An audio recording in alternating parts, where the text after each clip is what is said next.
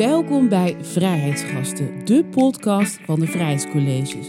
Ik ben Nicole de Boer en praat elke aflevering met een bijzondere gast over vrijheid.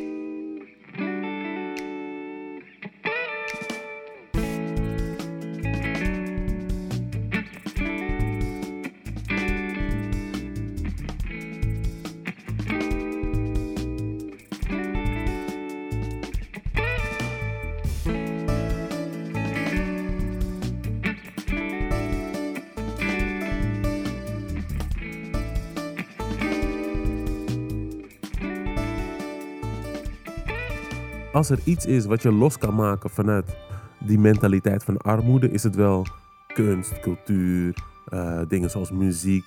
Je merkt het ook, weet je. Als je kids ziet, uh, als, je, als je muziek luistert, ben je even vrij. Dat is eigenlijk denk ik in elke situatie waarin, hoe dat dan ook komt, waarin je constant bezig bent met overleven, dan uh, heb je geen tijd om vrijheid te voelen. Sommige dingen kan je gewoon niet zeggen, because you don't know. Weet je, jij gaat niet bepalen voor andere groepen wat, wat je wel of niet kan zeggen. Want jij voelt die pijn niet. Je, je hebt geen idee waar je het over hebt. Hij is comedian en presentator. Vandaag is de gast Edson da Graza. Hallo. Hallo. We zitten vandaag in Noord. Ja. Je hebt op heel veel plekken in Amsterdam gewoond. Yes. Maar hier ben je opgegroeid. Ja, klopt ja. Vertel eens even, in wat voor gezin ben je opgegroeid? Ik eh, ben in Amsterdam-Noord opgegroeid, Vogelbuurt, uh, Adelaarsweg, woep woep. En wat voor gezin? Ja, mijn ouders die komen van Capverdië.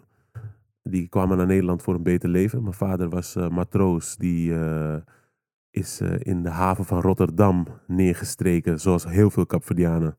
En die is toen de boot afgesprongen en zei van, hey, toetledoki. En is daar gebleven. Daarom wonen er dus ook heel veel Capverdianen in Rotterdam. Dan snappen jullie dat. Uh, maar mijn moeder die kwam naar Amsterdam. Oh, dat is het. Ja. Dat wist ik niet. Maar dat wist je niet? Nee, ik weet er ja. heel veel Capverdianen in Rotterdam. Ik wist niet waarom. Ja, nou, omdat okay. uh, Capverdianen zijn zeelieden. We, we, we, we, komen van eilanden. En uh, dus ja, dan is een boot heel erg aan de hand als je op een uh, eiland woont. En Rotterdam is een havenstad. En daarom vind je in, in de wereld, in de havensteden, vind je, daar zou je de meeste Capverdianen vinden. Dus volgens mij ook Boston. Volgens mij ook een havenstad. En daar wonen dus ook heel veel Capverdianen. Ja. Hou me te goed hoor. Ik weet niet of Boston een havenstad is. Ik zeg zomaar iets. Maar, um, dus, uh, mijn, ja, mijn ouders zijn beide Capverdiaans. Dus mijn, ik, heb, ja, ik ben volbloed Capverdiaans. En, en trots. Um, en heel trots moet ik zeggen. Echt, ik ben echt een trotse Kaapverdiaan. Echt, dat kan ik echt zeggen. Ik voel het echt. Ik luister die muziek, ik spreek de taal. Als ik daar ben, voel ik me ook gewoon thuis. Dus ik ben echt een trotse Capverdiaan. En het gezin waarin we zijn opgegroeid. Nou, het begon zo. Ik had een uh, moeder en een vader. En een broer. Mijn volle broer, dacht ik. Uh, en op een gegeven moment werd ik een jaar of vijf. En toen kreeg ik er twee broers bij. Uh, die kwamen van Capverdië. Dus dat waren kinderen van mijn vader. Die liet die overvliegen. En het jaar daarop werd ik zes of zo. En die woonden en gewoon bij jullie in huis? Die kwamen bij ons in huis. En je moeder was er oké okay mee? Ja, kijk, het is, het is altijd even schakelen als je twee nieuwe puberkinderen erbij krijgt, weet je. Dat was misschien ook niet een handige timing om ze te laten overvliegen, want ze waren flink aan het puberen. Hadden dan opeens een nieuwe moeder. Nou ja, goed. Het is wel goed gegaan hoor, maar het ging natuurlijk wel gepaard met, uh, met enige struggles. En op een gegeven moment kreeg ik ook een zus erbij. Dat is ook een kind van mijn vader, dus die kwam ook uh, in Nederland wonen. En op een gegeven moment woonden we dus met uh, vijf kids en twee ouders in een huis in Amsterdam-Noord. Uh, en dat is eigenlijk de gezinsstructuur. En daar waar ik dacht dat mijn broer, met wie ik ben echt vanaf het begin ben opgegroeid. Nelson, hè? Uh, Nelson, ja, ja, ja. ja. U allen wel bekend. uh, ik dacht dat hij mijn volle broer was. Maar op een gegeven moment kwam, kwam, ik erachter dat hij een andere vader heeft. Dus dat was dus een kind van mijn moeder. Oh. Dus van de ouders die ik heb, uh, waarmee we zijn opgegroeid, ben ik uh, de enige eigenlijk die van die twee komt. Dat wist ik helemaal niet. Nee, ik ook niet. Wanneer kwam je dan? Uh, volgens, of tenminste, misschien wist ik het wel, maar niet bewust. Maar ik denk een jaar of zeven of zo, zeven, acht, dacht ik van, huh? Ik moest wel altijd denken, want uh, ik, ik, ik, ken jullie allebei wel van een afstandje. En mm. jij bent bijna twee meter. Ja. En Nelson is hoe lang? Uh, volgens mij 1,75. Ja, dus je ziet een enorm, verschil. Maar jij gaat nu negeren dat ik ook knapper ben. Oh, je bent hartstikke knap. Oké, okay, dankjewel. Hoor je dat, Nelson? Ik dacht compliment? Al, ga je daar echt overheen? Alleen lang? oh, knapper, hallo. Ah, dat is wel niet leuk voor hem als hij dat nee, terug hoort. Nee. nee. nee. Shout-out naar Nelson. Nelson is heel Love knap. Hij is super knap. En heel aardig. Goed, jouw college gaat over eh, vrijwaring van gebrek. Ja. En dat gaat dan over dat je eh, iedereen recht heeft op een, een, een huis. En eh, ja, dat er geen armoede is. Mhm. En jij merkte dat voor het eerst toen je naar de middelbare school ging. Ja. Naar Damstede. Wat gebeurde Ja. er toen? Ja, Damstede. ik vind het zo grappig om die namen. Ik krijg gelijk flashbacks. Nee, ik, eh, ik zat op Damstede en ja, ik ging HAVO-V- eh, HAVO-VWO doen. En die school was eh, overwegend HAVO-VWO. Of nou, alleen maar HAVO-VWO volgens mij. En daar zaten dus voornamelijk witte kinderen. En ook veel van die kinderen die ik niet kende vanuit mijn buurt. De witte kinderen die ik kende heten, waren echt Dennis, weet je. Gewoon een beetje, een beetje tokkie-achtig. Weet je, dat waren mijn mensen. En nu kwam ik mensen tegen uit Monnikendam. Ze kwamen helemaal uit Monnikendam, weet je. Echt gewoon een beetje kak. Ze zaten op de grond. Ik dacht van, waarom zitten jullie op de grond, witte kinderen? Waarom ga je niet gewoon op een stoel zitten? En ik had eh, nog met eh, drie andere kids van de kinderboom, waar ik eh, op de basisschool zat, gingen we daar naartoe. En we kwamen daar en ging een wereld voor ons open. De, de school was overwegend wit. We dachten, wat gebeurt hier? En daar kwamen we ook achter dat wij van een plek kwamen waar we gewoon iets minder hadden. Kijk, En je zegt wij. Waarom heb je het over wij? Je- omdat ik met die eh, drie eh, klasgenoten Mm. eh, waren we daar en we, we dachten echt van, het was echt alsof we door die kast gingen van Narnia. Je weet toch, we komen gewoon in een hele andere wereld van, ah, wat? Oh my goodness, what's going on here? En op een gegeven moment eh, kwam ik ook in gesprek met zeg maar, een nieuwe klasgenoot van mij, Jordi heette die. En hij had echt van die, altijd van die nieuwste Air Max. Elke keer als er een nieuwe uitkwam, had hij ze. En ik dacht van, damn, hoe kom je daaraan, Jordi? Zei, ja, ik krijg gewoon kinderbijslag. Dacht ik, kinderbijslag? Dat was de eerste keer dat ik hoorde dat er een toeslag was voor kinderen. je weet toch? En eh, die werd bij ons thuis gewoon gebruikt voor eten. Je weet toch? Iedereen moest gewoon eten. Eh, mijn moeder had twee baantjes. En kinderbijslag was niet voor jou om, om kleren te gaan kopen of zo. Het was gewoon to survive. En toen merkte ik van, oh ja, shit, oh. Oh, dus jij leeft gewoon zo. Jij krijgt gewoon, om de drie maanden krijg je gewoon een soort van toelage van je ouders. En dan kan je doen wat je wil. Oké, toen En wist hoe ik van... reageer, en hoe reageer- jij zag dat zij dus een ander, ander leven hadden. Ja, Zagen ze dat ook van jou? ik denk dat dat, eh, dat, dat wel moet eh, zijn Tijdens iets bijvoorbeeld tegen je. Nee, want ik had altijd wel, kijk, in die tijd, weet je, ehm, ik had het zelf wel door, maar ik had altijd een grote bek. Dus iedereen die, eh, als je tegen mij wilde opnemen, verbaal, dan moest je echt van goede huizen komen. Want ik was snel en ik kon mensen wel echt terechtwijzen. En dat heeft me eigenlijk ook, daarom ben ik denk ik ook nooit echt gepest. want ja, ik, ik ben altijd op, ik ben op die school, zag je wel van, wij komen uit de vogelbuurt, weet je. En als je dat zei, zag je, oh, oh, oké, kom je uit de vogelbuurt? Oh, oké. oh, oh. weet je, dus mensen wisten wel van, oké, weet je, dat zijn een beetje die sloebers. Maar ze wisten ook wel van, we zijn wel hard knock, weet je. Je kan niet zomaar komen testen. Dus eh, we zijn wel wat gewend.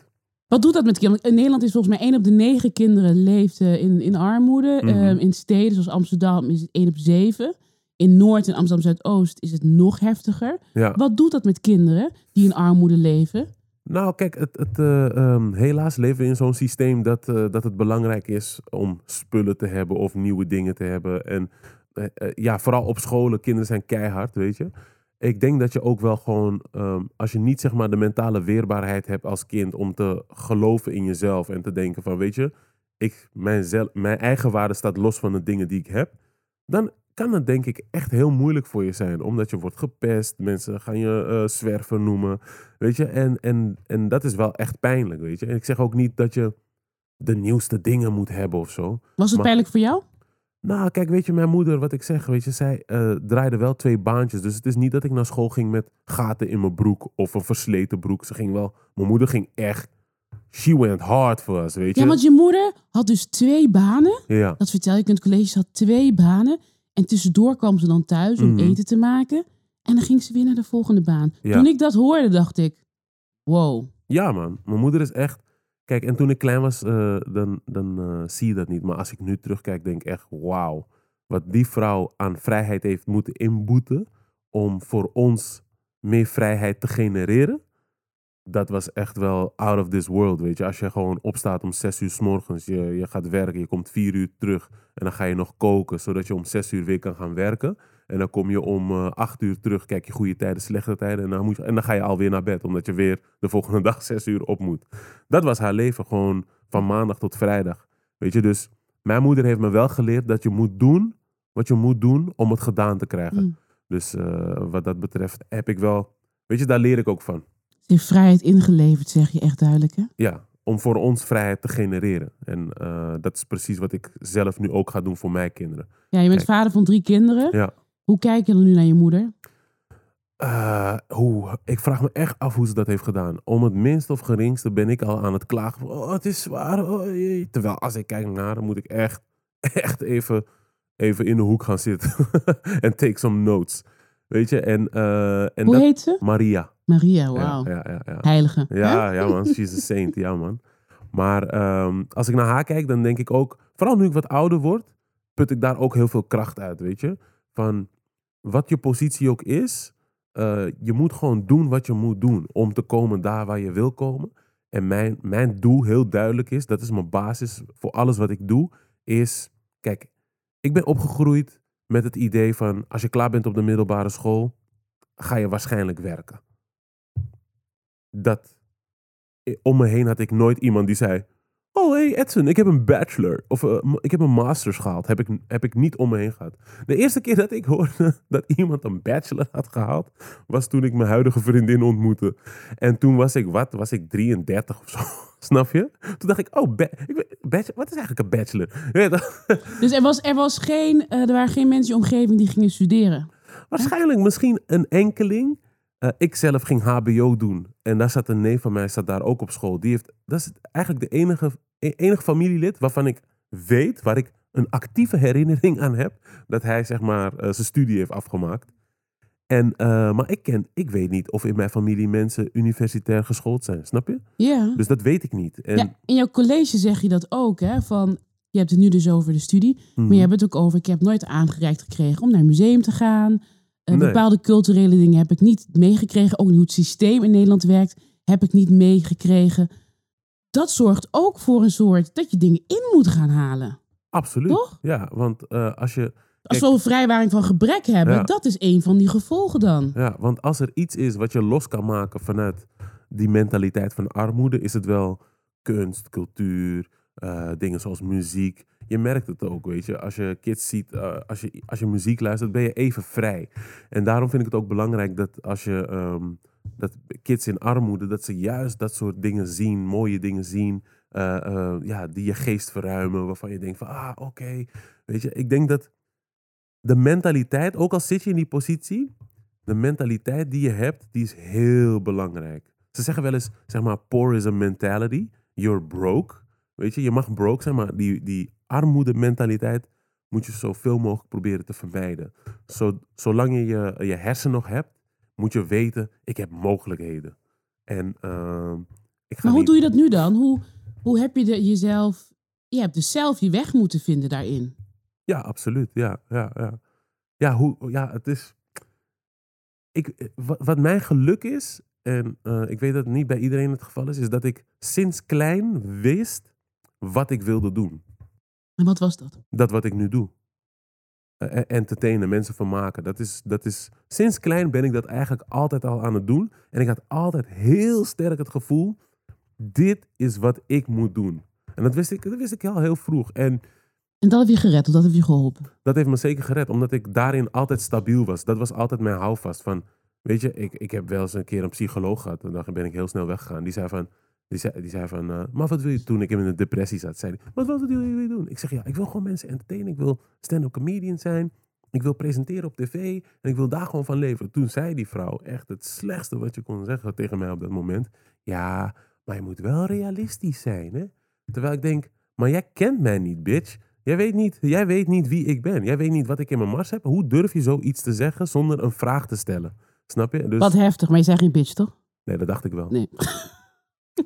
Zo ken ik je namelijk niet. Nee, nee, nee, maar, wat maar- wat heftig dat iemand jouw droom weghaalt op die manier. Ja, ja, maar dat is, echt, dat is echt het meest verschrikkelijke wat iemand tegen je, je kan zeggen. Of het beste wat iemand tegen je kan zeggen. Want toen dacht ik, weet je wat? Jij gaat nog eens een keer naar tv kijken en zeg je... Oh, Henk, ik heb hem geholpen. Ja, ja, dag. heb, heb je er nog eh, laten zien? Heb je nog gemaild of iets gezegd? nee, want ik geloof niet in ra- rancune nu. Nee. Weet je, ik heb geen eh, rancune in mijn hart voor niemand. Want dat vertraagt alleen eh, mijn eigen pad. Dus eh, dat, dat gaan we gewoon niet doen. Ja, je zei, we- gaan zo nog hebben over hè, depressie en hoe je daarin bent gekomen. Maar het gaat natuurlijk over jouw vrijheidscollege. ja, Eerste vrijheidscollege dat je hebt gegeven was in Den Haag in april, dus heel vers. Laten we luisteren naar een fragment. als je geen geld hebt, mensen zeggen altijd van. ehm, als je in Nederland bent, dan kan je altijd werken en dan kan je, kan je er altijd voor gaan. Maar het gaat ook om de mindset die je hebt. Ik bedoel, als je zo diep in de schulden hebt, eh, zit, dan is het moeilijk om te denken van, oh ja, ik ga ervoor. Weet je? Eh, en dat is het moeilijke van eh, geen geld hebben. Is dat je je voelt je alleen. Je isoleert jezelf en je merkt ook dat mensen ook, ja, ze, ver- ze vergeten je gewoon. Ze gaan gewoon niet meer met je om, omdat ze toch altijd nee krijgen.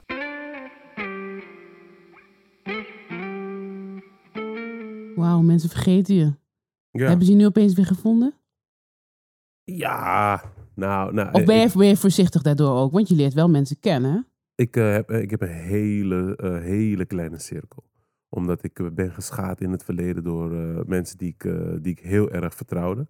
Dus, eh, en dat vind ik eigenlijk wel jammer hoor. Dat ik, eh, dat ik zeg maar moeilijkheden heb met contact maken. Mensen denken altijd van, maar je bent altijd zo aardig. en, en, en." Dus zeg maar oppervlakkig contact, daar ben ik de beste in. Maar diepgaand contact, dat, eh, dat is bij mij wel echt een beetje kapot. Heftig. Ja, Ja. Maar als je het uitspreekt, kan het altijd ook weer veranderen. Hè? Dus wie weet. ja, ja maar ja, ja. Dat, dat is, dat ik probeer het wel, maar ik merk gewoon dat ik echt moeite heb om echt zeg maar, een soort van diepgaande relatie met iemand eh, te beginnen. Ja, want daar gaat het in het college ook over. Dat je vertelt over de periode dat je erachter kwam dat je opgezadeld was met een schuld van 50.000 euro. Kan je me vertellen hoe dat is gebeurd? Nou, ik zat in een eh, productieteam, we maakten muziek. En eh, daarvoor was ik ook al nooit goed met geld hoor. Maar ik had nooit mijn ogen op mijn geld. Dus, eh, dus ik had al wel kleine schulden voordat ik dat bedrijf begon. Maar na dat bedrijf, ik ging, er, ik ging er hard voor. We hadden een hitje gemaakt met Ali B, Ik ben je zat. Allereerste hit hè, van ADB. Allereerste hit. En we kregen een, een, een som geld. En daar gingen we ons eigen studio van bouwen. En toen gingen we een jaar knallen in die studio. Ehm, hebben we gedaan. Reclames gemaakt, eh, films gedaan. eh, met artiesten gewerkt. eh, we kwamen op TMF. Het ging hartstikke goed. Don Diablo. Het was allemaal wauw. En we hebben nooit in die tijd als jonge jongens ons ogen op ons geld gehad. Want wij wilden alleen muziek maken en niet de bedrijfsvoering doen of whatsoever. En daar hadden we een manager voor. En dat was iemand die we heel goed kenden. Die, die, die kenden we al. Die managede ons eigenlijk al off the record. Voordat we überhaupt bekend werden. En eh, dat was gewoon een soort broer van mij. En eh, na een jaar willen we winstverdeling doen. En toen kwamen we erachter van, hé, die man is een beetje sketchy. Hij ontwijkt ons. En op een gegeven moment kregen we hem ook niet meer te pakken. En toen zijn we zelf naar de ABN AMRO gegaan. En toen kwamen we erachter dus dat we in plaats van ongeveer 80.000 euro... hadden we min 10.000 euro schuld. En niet alleen dat. eh, op een gegeven moment kwamen de brieven ook binnen. Want hij was nu niet als eerste in die studio om die brieven weg te halen. Toen kwamen opeens de brieven binnen van... Hey, be- belasting is niet betaald, dit is niet betaald. Schulden begonnen zich op te hopen. En we hadden een VOF, dus alles was op onze eigen naam. Nou, toen hebben we met een aantal van die jongens hebben we een regeling getroffen. En met drie andere jongens bleef ik nog in het bedrijf om wat dingen op te lossen.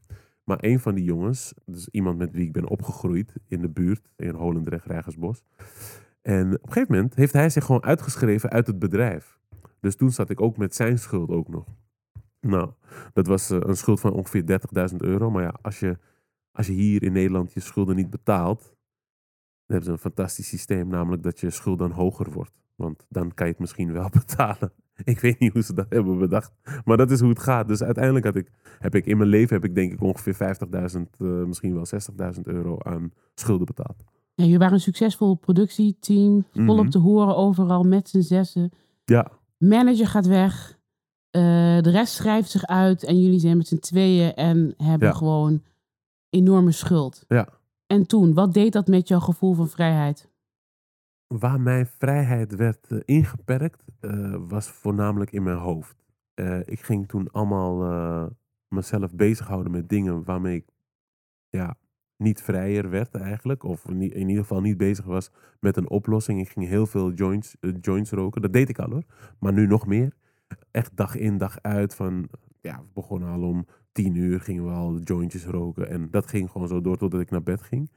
En ik begon ook gewoon heel veel donkere gedachten te hebben. Want ja, je denkt van als ik ze pak, als ik ze pak, ik maak ze kapot. Dus mijn, mijn gedachten waren allemaal gefocust op wraak nemen. En ik was totaal niet bezig met een oplossing. En als je je hoofd vult met negatieve gedachten, ja, dan word je gewoon negatief. Ja. ik, ik geloof echt in dat je bent wat je denkt. En op een gegeven moment werd ik echt een, een soort van donker persoon. Dus niet mezelf. Ik was heel ver van mijn kern af. Eh, ik begon allemaal muren om me heen te bouwen. Vooral in mijn hoofd. Van oké, ik kan nu niet daar naartoe. Ik kan nu niet daar naartoe. Ik kan niet gezien worden. Want ik ben Edson Nagrasa van, van de Beat Kids. Iedereen kent mij van... Ze hebben me op TMF Awards op de Rode Loper gezien. Wat moet ik ze nu gaan vertellen als ze mij nu buiten zien? Weet je? En als ik dan naar buiten ging, had ik eh, een zware last om te dragen, want het was een masker. Als Ed, hoe gaat het? Ben je nog bezig met projecten? Iedereen kent deze praat wel van artiesten. Ja, ik ben bezig met dit, ik ben bezig met dat. Maar ik was precies met niks bezig. Ik was me be- bezig met mezelf in de vernieling in te helpen. En ik erkende mijn realiteit ook niet. Ook niet in mijn gedrag. Want dat geld wat ik had ging naar wiet. En ging naar eh, kleren. Voor uiterlijk vertoon. Om toch nog te laten zien aan, ik ben er nog. Ik, ik, je weet toch, Edson da Graça still rolling. We doen ons ding nog. En ondertussen bleven die schulden zich maar ophopen. Op een gegeven moment ben ik mijn problemen gaan erkennen. Ja, en dan weet je van, oké, er is nu geen geld meer om dat, eh, die façade op te houden. En toen ging ik echt naar binnen. Toen werd, werd ik echt alleen en echt heel somber. En toen kreeg ik ook gedachten als van, als ik naar buiten ga en dan komt een vrachtwagen en die schept me. Mhm. hey, dan zo so be it. Want Mhm. elke dag leefde ik in angst. Je zag geen uitweg meer. Je zag nee, gewoon- totaal niet. Ik, ik zag alleen de, de postbus maar voller en voller worden. En op een gegeven moment kwamen die brieven er ook uit. En zo'n postbode die belde een keer aan en zei van... Hé hey, grap, je moet echt naar beneden komen en de ding legen, Mhm. want ik kan er niks meer in proppen. Maar ik dacht, ik ga dat ding echt niet legen, want er zit alleen maar slecht nieuws in. Waarom zou ik dat doen? Hoe lang heeft dat geduurd, die periode? Die periode dat hij je schuld had. Nou, tot het over was eh, ja, ongeveer tien jaar. Mhm. Maar eh, waarvan zes echt donker waren. Echt, dat ik echt dacht van...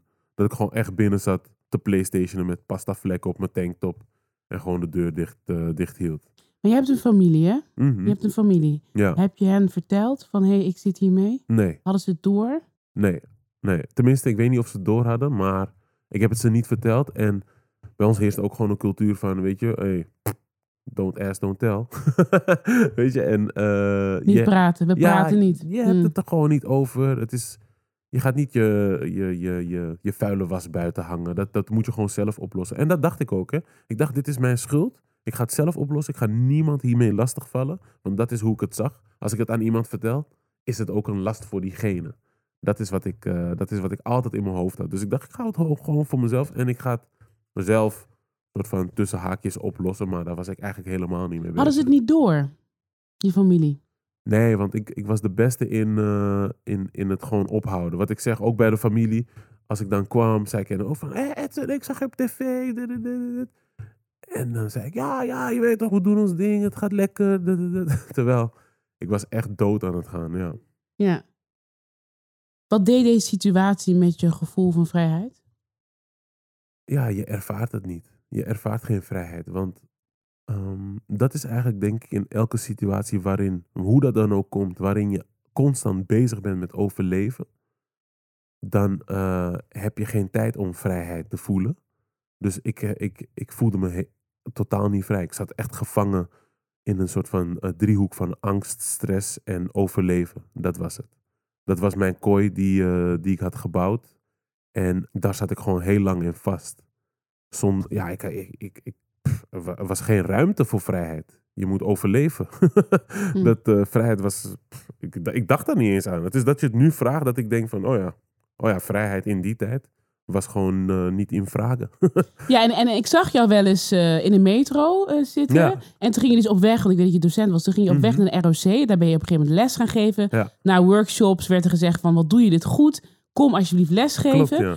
En op die school is voor jou een verlossing gekomen. Neem me mee naar dat moment. Nou, ik werkte dus op die school en al, ehm, nou ja, dat was voor mij eigenlijk best wel chill, omdat Je gaat Nu- naar Nederland, hè? Ja, ik begon als mentor. eh, ik gaf dat dus inderdaad, wat je zegt, ik gaf daar workshops en iemand zei van, hé, hey, je doet het goed als jij er bent. Dan zijn die kids er ook. Wil je niet hier als mentor aan de slag? Toen zei ik, ja, maar ik heb geen papieren. Zei ze, nee, als mentor kan je gewoon aan de slag. Je begeleidt die kids gewoon van les naar les. En daarna kunnen we ook kijken of je intern misschien wat, eh, wat eh, cursusjes kan doen. En dan kan je misschien eh, ook gaan doseren. Want het was een mbo niveau 2 eh, school. En dan kan je met een didactische bevoegdheid kan je dan ook gewoon lesgeven. En ik ging daar werken. En het- eigenlijk was dit de eerste baan waar ik me echt helemaal in mijn nopjes voelde. Want ik kon ook elke dag zeg maar performen voor die kids. en ik had gewoon een vast inkomen nu. Er komt elke maand geld binnen. Ja, precies. En op die school, eh, nou ja, hiel- hield ik dat masker ook vol. Hè? Mensen herkenden me daar ook van af en toe van dingetjes. Dat ze zeiden, oh, jij deed dat. eh, ik, ja, ja, gaat lekker, bla, bla. Dit vind ik gewoon Maar, leuk. want je, presenteerde af en toe, hè? ja, heel af en toe, hier en daar, was ik op tv te zien. Echt Ja. eh, in plukjes hoor. Nie- niemand die het echt wist. Maar af en toe zat er gewoon één iemand. Ja, ik herken hem. Dus eh, dat masker hield ik dan ook op. En dat was heel zwaar. Van dag tot dag naar een plek gaan waar je niet eigenlijk jezelf kan zijn. Want mezelf was op dat moment een sombere dude. Die geen eh, geld had, geen perspectief. Maar op die school was ik echt de meest vrolijke gast die je Mm. maar kan voorstellen. Totdat eh, een, een zorgcoördinator op die school, Marjolein Sanders, die, die zei van, hey, het komt binnen. Toen raakten we aan de praat. En op een gegeven moment zei ze van, ja, er is iets Ed, en ik geloof het niet. Eh, je komt elke, altijd naar school, vet vrolijk, maar er is iets wat, ja, het klopt gewoon niet. Wauw. En toen dacht ik, dat was zo confronterend. Ik krijg nu ook kippenvel. Dat was zo confronterend. Ik dacht, oh my god, iemand ziet het. Ze heeft het gezien. Ze heeft me, ik voelde me echt betrapt. Omdat, ja, ik heb een schuld. Dus ik voelde me nu ook betrapt aan iets waar ik je wordt uit aan- rol gehaald. Je wordt opeens... Ja. Die ballon wordt doorgeprikt. En uit het niet zei ze het, hè. Dus het was gewoon pang. Dat ik dacht, en, en toen kwam het ook met bakken uit mijn ogen. En eh, toen dacht ik ook, weet je wat, ik ga het gewoon vertellen wat er met mij aan de hand is. En toen heb ik alles van A je voelde je veilig om te vertellen? Heel veilig, want ik had een hele goede band met haar. En zij was natuurlijk ook bekwaam, want zij was zorgcoördinator.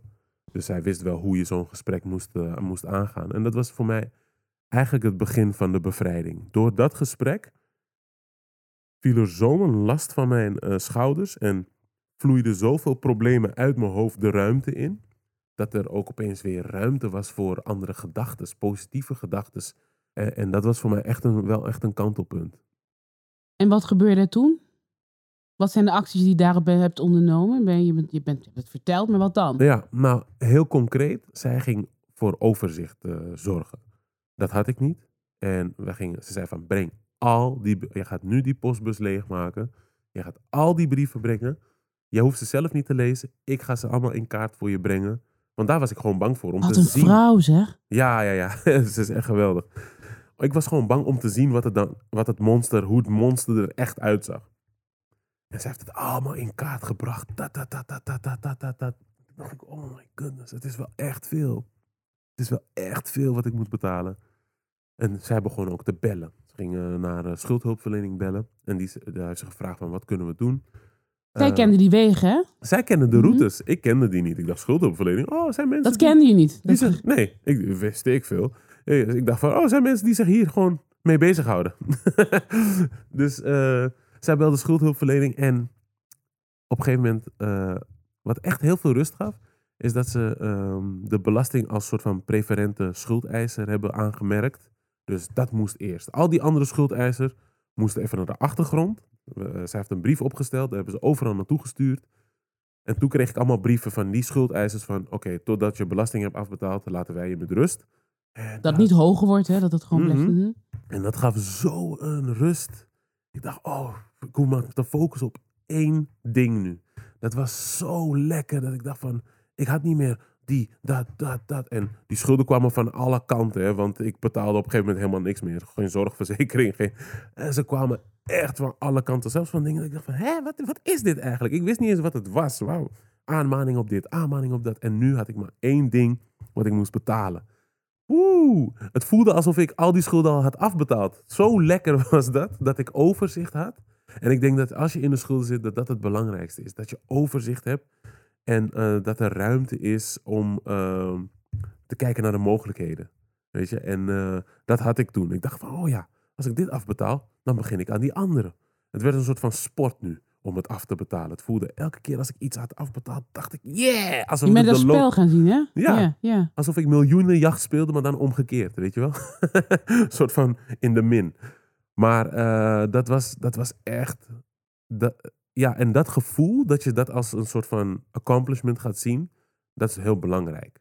Want dan zie je het positieve ervan. Van oké, je zit in die shit, dat is gewoon een realiteit. Je, je kan gaan klagen, je kan gaan huilen in een hoekje. Maar dat gaat niet zorgen, niet, een traan staat niet gelijk aan een afbetaling. Dus je moet gewoon opstaan en je moet ervoor gaan. Je moet gewoon weten van, hé, hey, als ik niks doe, weet ik sowieso dat, ik, dat het erger wordt. Dus ik kan in ieder geval proberen eh, het op te lossen. En als het niet lukt, dan lukt het niet. Maar ik ga het wel in ieder geval proberen. En we gaan kijken hoe ver we komen. Waarom wilde je dit verhaal vertellen in jouw college? Omdat eh, er heel veel jongeren eh, zijn die ehm, misschien in dezelfde situatie zitten. Die die handreiking niet durven doen. Die wil ik empoweren om te beseffen dat er mensen zijn om ons heen die lief zijn. Die echt lief zijn. Weet je, en misschien zie je dat nu niet als je er, erin zit. Maar geloof me, in je directe omgeving is er iemand die zelf nog niet weet dat hij klaar staat om jou te helpen. Ja, dat zeg je ook, hè? Het is een mindset. Je moet positief denken, dan, dan trek je positieve dingen aan. En eh, je moet niet bang zijn om hulp te vragen, want mensen willen hulp aanbieden. Alleen ze moeten het weten. Ja. Dus eh, jouw publiek is eigenlijk, zijn dus jongeren aan wie je dit... Dat, Nou ja, eigenlijk iedereen die erin zit hoor. Maar ik focus me vooral op jongeren omdat eh, ze vroeg moeten weten dat. Kijk, er moet gewoon een. De taboe van als je problemen hebt, dat je dat voor jezelf houdt. Dat moet er echt af. Als jij, als jij in de shit zit, dan moet je praten. Want dat gaat ruimte bieden in je hoofd. Kijk, ik bedoel, eh, ik zie, zie het als een agenda. Als jij heel veel afspraken in je hoofd hebt en je schrijft het niet op, dan op een gegeven moment word je gek. En dat is hetzelfde met je problemen. Je moet ventileren. Het moet eruit. Het moet uit je systeem. Want als je het eruit gooit, dan kan je andere dingen die wel eh, eh, bijdragen aan jouw wederopstanding, die kan je erin stoppen. We gaan naar nog een fragment. En wij gingen met een aantal jongens, gingen we dus eh, die, dat muzieklokaal in. We gingen muziek maken en daar voelde ik me eigenlijk, ja, gewoon echt mezelf. Dus daar maakte het ook helemaal niet uit of ik goedkope schoenen aan had, of een broek, hoogwaterbroek, of niet de nieuwste jacka. Weet je, dat maakte niet uit. Ik maakte muziek, we vonden het vet en iedereen was daarin gelijk. Ja, hoe voelt het om iets te doen eh, waar je je echt jezelf in voelt? Heerlijk.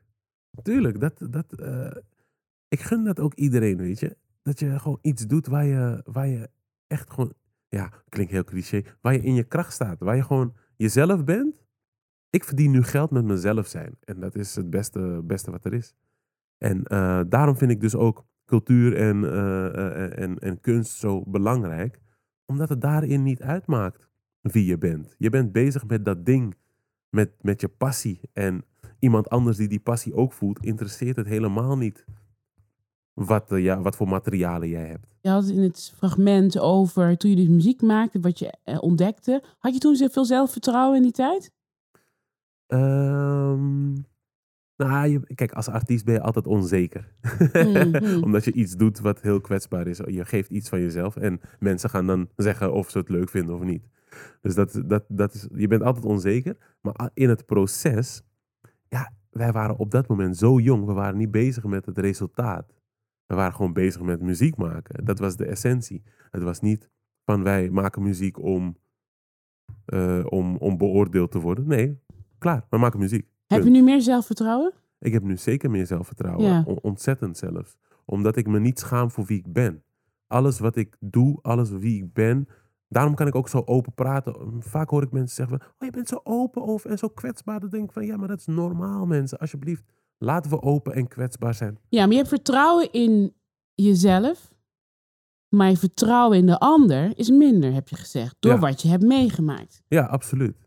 En vertrouwen, ik heb altijd idee, je hebt vertrouwen ook nodig. Als je vrijheid wil hebben, heb je Mhm. vertrouwen nodig. Hoe staat het dan in relatie tot elkaar? Als je naar jezelf kijkt, vertrouwen en vrijheid. Ik denk als je eh, eh, heel veel zelfvertrouwen hebt, En eh, ja, misschien is misschien zelfvertrouwen, dat komt ook met als je jezelf echt lief hebt. Mhm, Dus als je mhm. jezelf lief hebt Mhm. en echt vertrouwt op die liefde, dan kan je ook zelfvertrouwen hebben. Want je weet, van, je weet wie je bent, je weet waar je staat. En, je, eh, en, en dat is met, met zeg maar verschillende facetten van mezelf. Ik hou van mezelf zoals ik ben. En ik weet dat ik niet feilloos ben. Ik weet dat ik niet perfect ben. Eh, en, en daar vertrouw ik ook op. Dat ik fouten zal maken. En dat ik hoop daarvan te leren. Maar dat maakt mij wel vrij. Omdat ik kan nu mezelf uiten. Ik, en dat vind ik zo lekker om... gewoon- zelfs de gênantste dingen durf ik te zeggen. Omdat ik denk, ja, whatever. En het vertrouwen in de ander. Ja, dat is, dat is wel... Een dingetje. Eh, Ja, dat is wel echt een dingetje. Kijk, eh, wat, wat ik al zei, ik, ik kan diepgaande connecties... eh, vind ik nog wel moeilijk om zeg maar nieuwe, nieuwe van te maken. Maar als ik iemand tegenkom met wie ik een klik voel... dan kan ik dat benoemen. Dan kan ik dat zeggen van... Hey, ik vind het echt fijn om met jou in gesprek te gaan. Maar ik vind het dan wel moeilijk om daar dan een vervolg aan te geven. Dus diegene dan op te bellen. Hey, laten we koffie doen. Dat, dat zal ik niet zo snel doen. Omdat ik dan bang ben om mensen dichtbij te laten. Mhm. Omdat ik dan toch altijd denk van... Oeh... Jouw vader die zei in een, eh, een, een documentaire uitgezonden over jou op, bij de NTR. Ja. En toen ging je naar Kaap Verde toe. Hele mooie beelden, ook het Ja. ouderlijk huis. En toen zei jouw vader, die zei... Jij probeert, je vertrouwt iedereen. Je probeert iedereen te helpen, maar niet jouzelf. Dat is dus veranderd, of niet? Is dat veranderd, of niet? Hoe zie je het? Hoe kijk je terug naar die opmerking van je vader? Sorry hoor. Ik word een beetje emotioneel omdat mijn Hmm. vader over, eh, vorig jaar is overleden. Oh, sorry, dat wist ik niet. Eh, nee, dat is, Oh, helemaal, dat is echt erg. helemaal niet erg. Dat is Ja. echt niet erg. Eh, maar dat wat hij daar zegt, dat is... Hij slaat de spijker op zijn kop. Ik... ehm,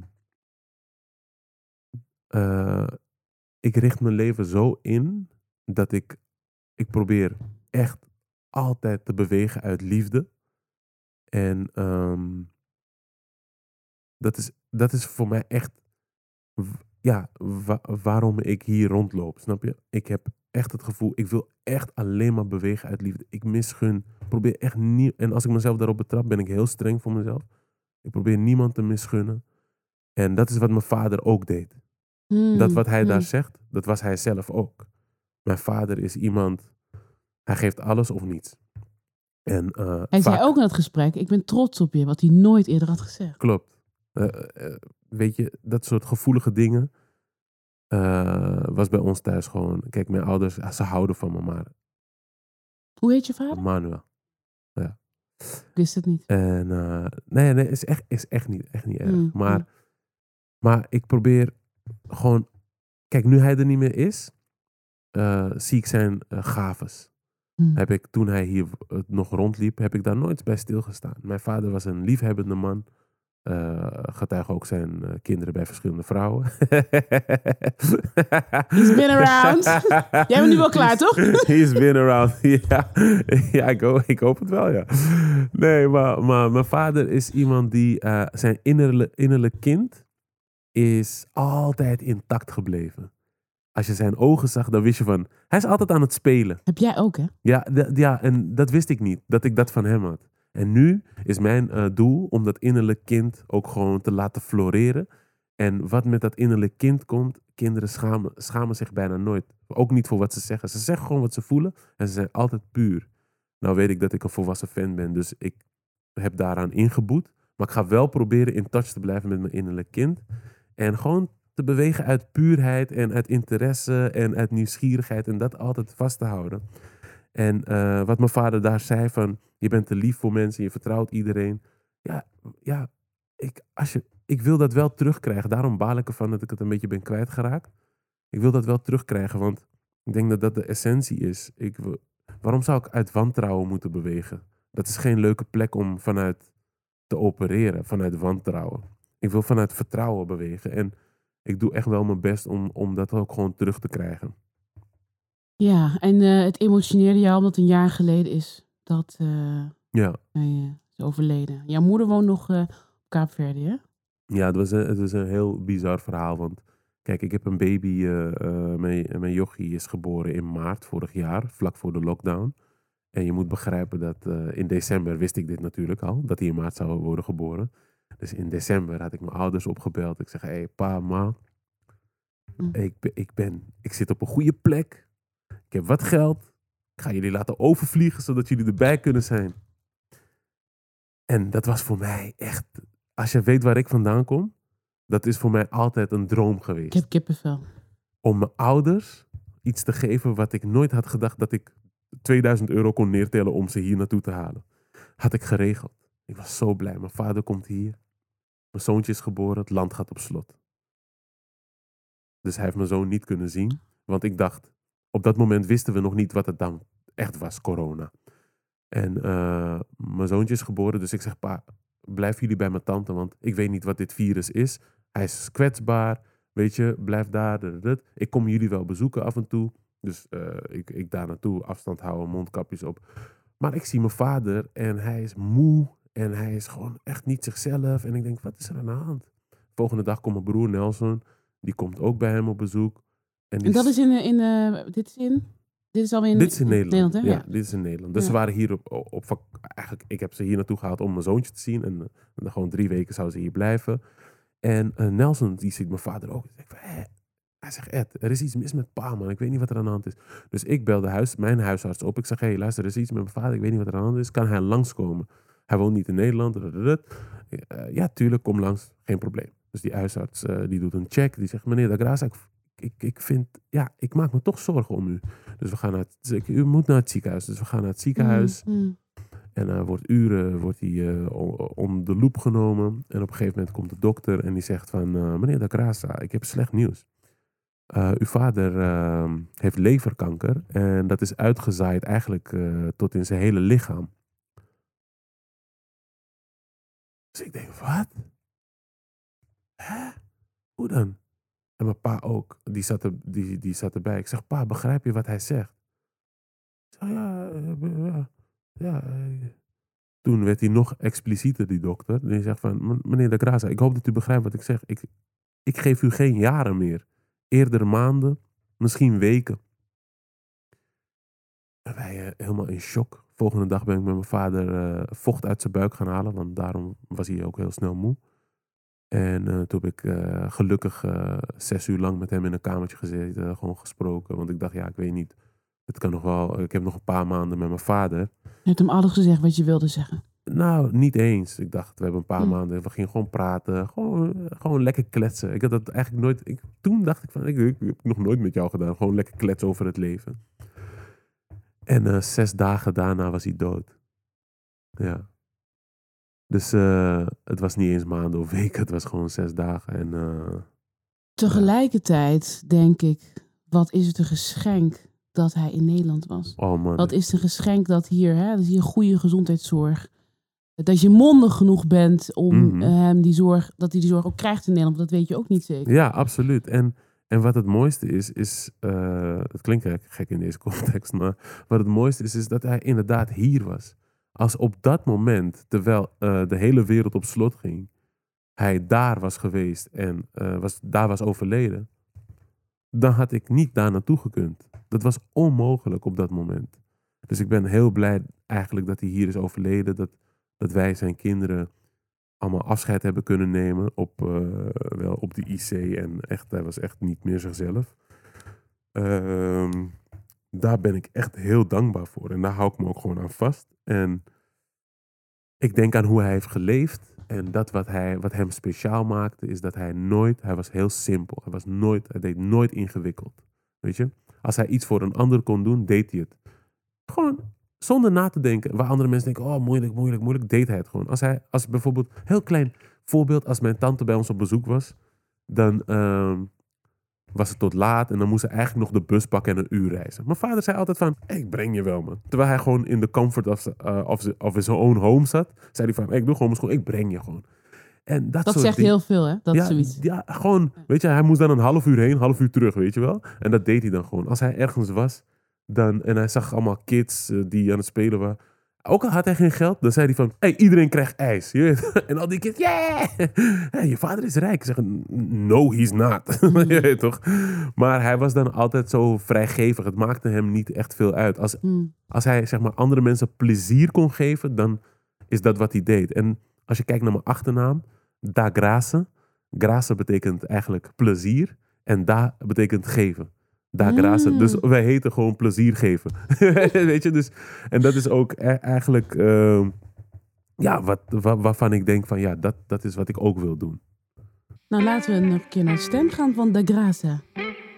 Voor de mensen die ehm, vastzitten of, of, of eh, in de schulden zitten, onthoud dat de positiviteit eh, het altijd gaat winnen van negativiteit. Als je je gaat focussen op je problemen, dan kom je nooit eh, tot de oplossing.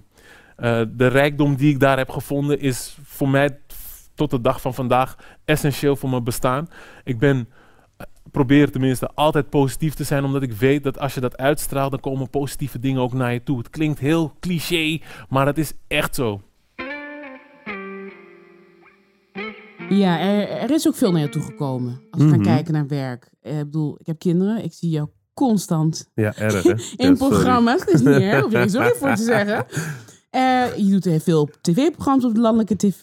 Eh, er komt een voorstelling, dacht ik ook, eh, dit najaar in oktober misschien. Ja, ik Ja. hoop het. Ik Ja, hoop je- het. Maar het ik, niet. Ik, ik, ik, richt mijn pijlen wel echt op eh 20, eh 21, 22. Ja.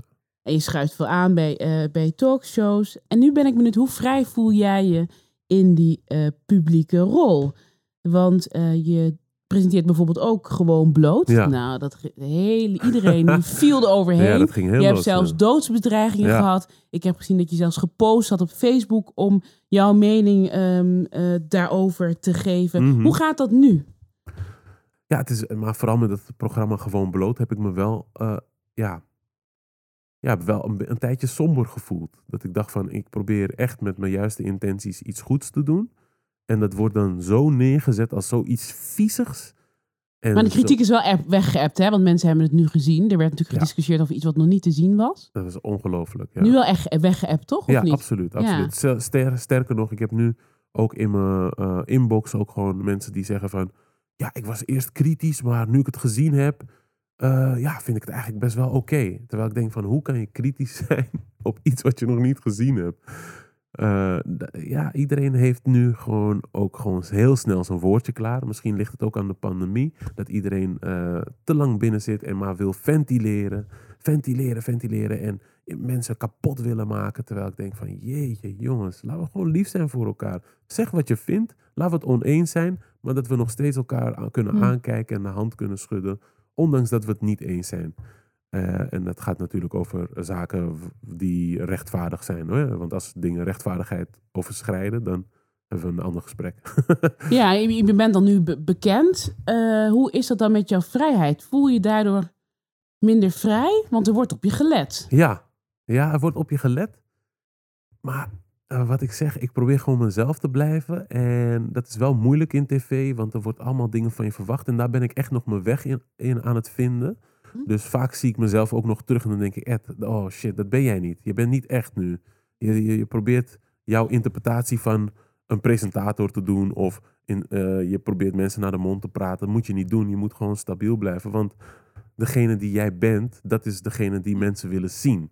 En als je iets anders gaat doen, dan, dan gaan mensen denken van, hmm, hier klopt iets niet. Weet je, dus ik, ik ben wel echt nog aan het zoeken. trouw naar jezelf te zijn. Ja, Ja, ja, gewoon ja. wel echt in mijn kern te blijven en niet... eh, want ja, de tv-wereld is een, is een wereld waar, nou ja, we hebben het... al- Ja, nou, En die, en die tv-wereld, als het gaat om representatie. Er zijn weinig eh, mensen van kleur, zwarte mannen Ja, eh, op tv.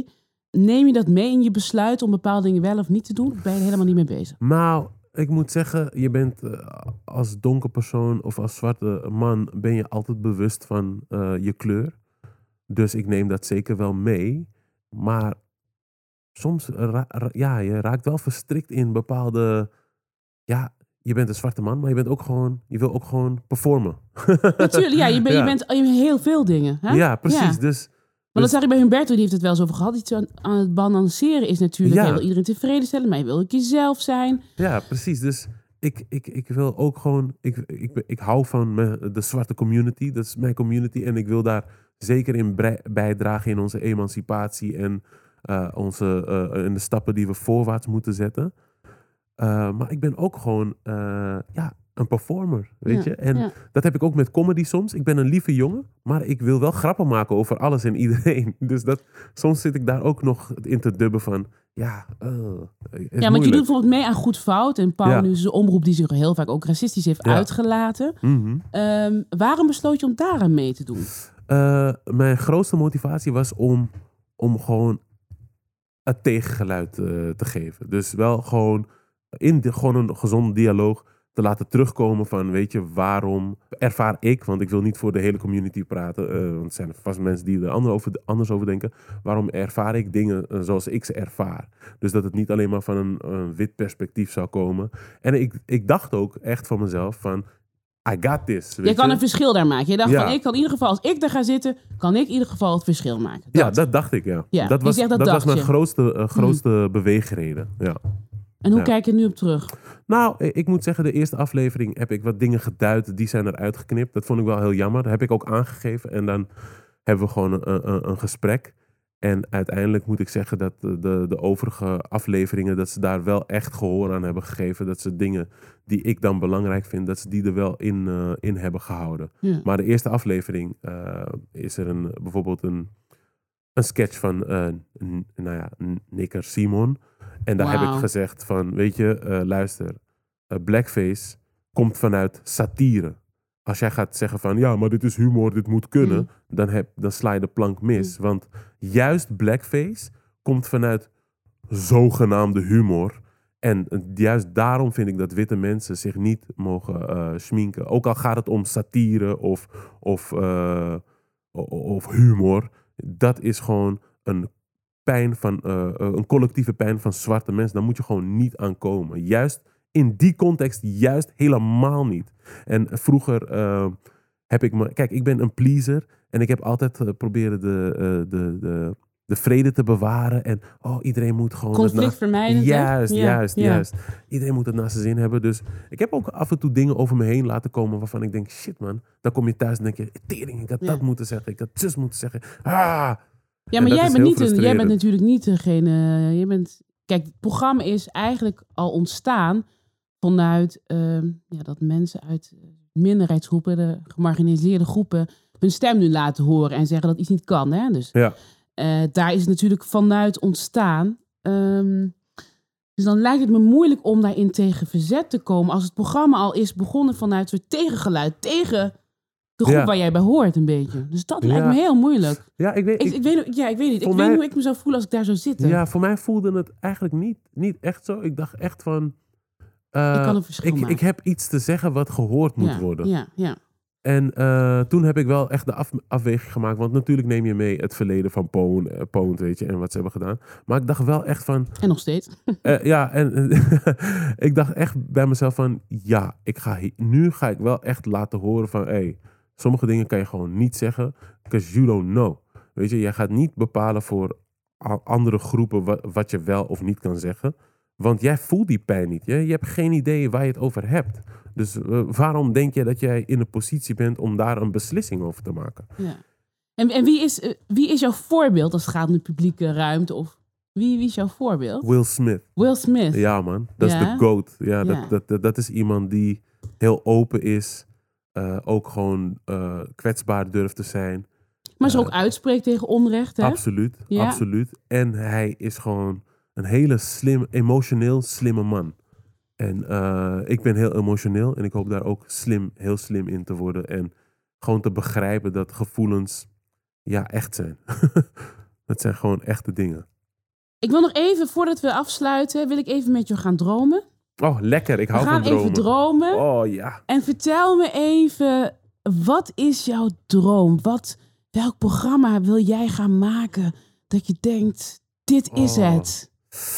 Nou, dan misschien ga ik wat groter dromen. Ik hoop ehm, programma's te maken die eh, verbinden, die eh, bijdragen, die mensen misschien een ander inzicht willen eh, kunnen geven, die, ehm, ja, waar je ook blij van wordt. Dus ik wil ook gewoon af en toe plat, plat entertainment maken. Waarvan je naar kan kijken en denkt van, ah, dat is gewoon leuk. Hij is grappig. Ehm, dat is wat ik wil. Ik wil mensen eh, echt raken met positiviteit. En vooral heel veel liefde. Ja, dat is wat ik wil. Ik wil lief zijn en ik wil dat je dat in mijn programma's ook voelt. En als ik een grapje maak, is het nooit op de persoon, maar gewoon wel op de situatie. En misschien op, op hoe wij met dingen omgaan in de maatschappij. Maar het is altijd uit liefde. En ik ga dat echt integreren in mijn zijn. Dat ik gewoon uit liefde beweeg. En dat, want dat vind ik echt belangrijk. Dankjewel, dat is een hele mooie droom. Dankjewel Edson dat je te gast wilde zijn en zo openhartig was. Uh, als je benieuwd bent naar zijn visie op vrijheid, ga dan vooral online kijken naar zijn vrijheidscollege. Hij is ook nog op verschillende plekken te zien in het land dit jaar, dus hou hem in de gaten. Dit was Vrijheidsgasten van de Vrijheidscolleges. Deze podcast werd mede mogelijk gemaakt door het Prins Bernhard Cultuurfonds.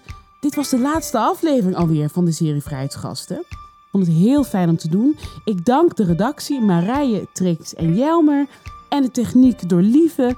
De muziek is van Steven Ivo en volg Vrijheidscolleges via vrijheidscolleges.nl en schrijf je in op de nieuwsbrief. Dan ben je op de hoogte van alle nieuwe ontwikkelingen. En ook een vervolg op deze podcast. Op de site kun je dus ook eh, alle colleges van het jaar zien en de eerdere jaren. En we zien je gauw bij een vrijheidscollege. It's a wrap!